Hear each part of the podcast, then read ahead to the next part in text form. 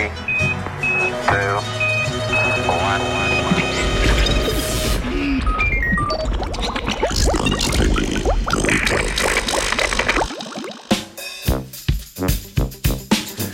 V njem pa najbolj preče vprašanje ta trenutek, kdaj so nastali naši možgani. V nedavno objavljeni raziskavi v reviji Science Advances je raziskovalna skupina pokazala, da so možgani človečnjakov Australopithecus afarensis strukturno bolj podobni možganom šimpanzov kot pa sodobnih ljudi. Človeški možgani so namreč trikrat večji in drugače grajeni kot možgani nam bolj sorodnih še živečih živali, šimpanzov.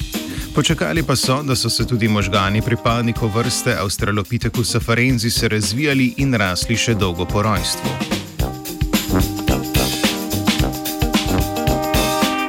Najbolj znan fosil Australopithecusa afarensisa je ohranjen skelet iz Etiopije, ki so ga med izkopavanji poimenovali Lucy. Ime je dobila po uspešnici Beatlov z naslovom Lucy in the Sky with Diamonds. Avstralopiteki so sodeč po dosedanjih najdbah živeli pred več kot tremi milijoni let v podsaharski Afriki. Med avstralopiteke sodi tudi skupni prednik afarensisa in človeka.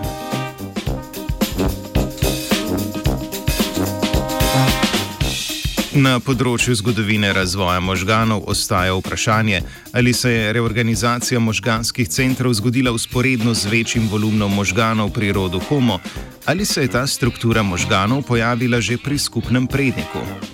S pomočjo računalniške tomografije so na podlagi osmih notranjih površin fosiliziranih loban določili možganski model avstralopitekov. Dve dobro ohranjeni lobani sta pripadali mlajšim osebkom, šest pa je bilo odraslih.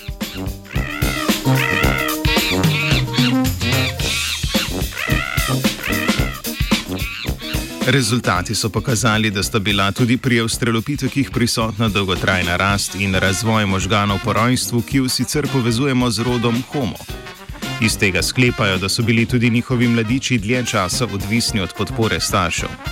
Ta razvojna lastnost bi se torej lahko razvila že pri skupnem predniku in ni povezana s končno velikostjo možganov. Kasnejšo rast možganov pri vrstah rodu Homo povezujejo z razvojem medeničnega dna, ki naj bi svojo obliko omejevalo velikost možganov ob rojstvu.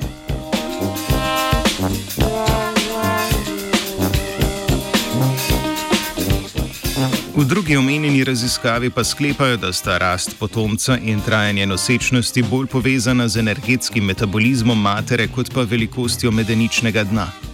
Slednje namreč ne bi predstavljalo ovire za avstralopiteke.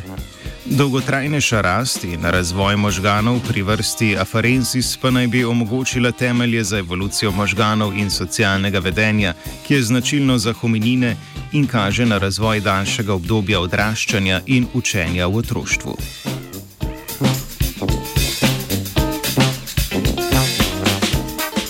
Več razlik med možgani pa so opazili v primerjavi lobanske nagubanosti, iz katere so sklepali o razporeditvi možganskih centrov.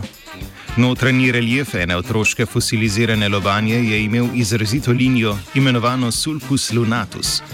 Nahaja se v zatilnem režnju možganov in je bolj izrazita pri šimpanzih in drugih človeku podobnih opicah. Kljub natančni analizi notranjih odtisov vseh osmih možganov niso našli lastnosti, ki bi kazale na podobno organizacijo možganskih regij, kot jo najdemo pri sodobnem človeku.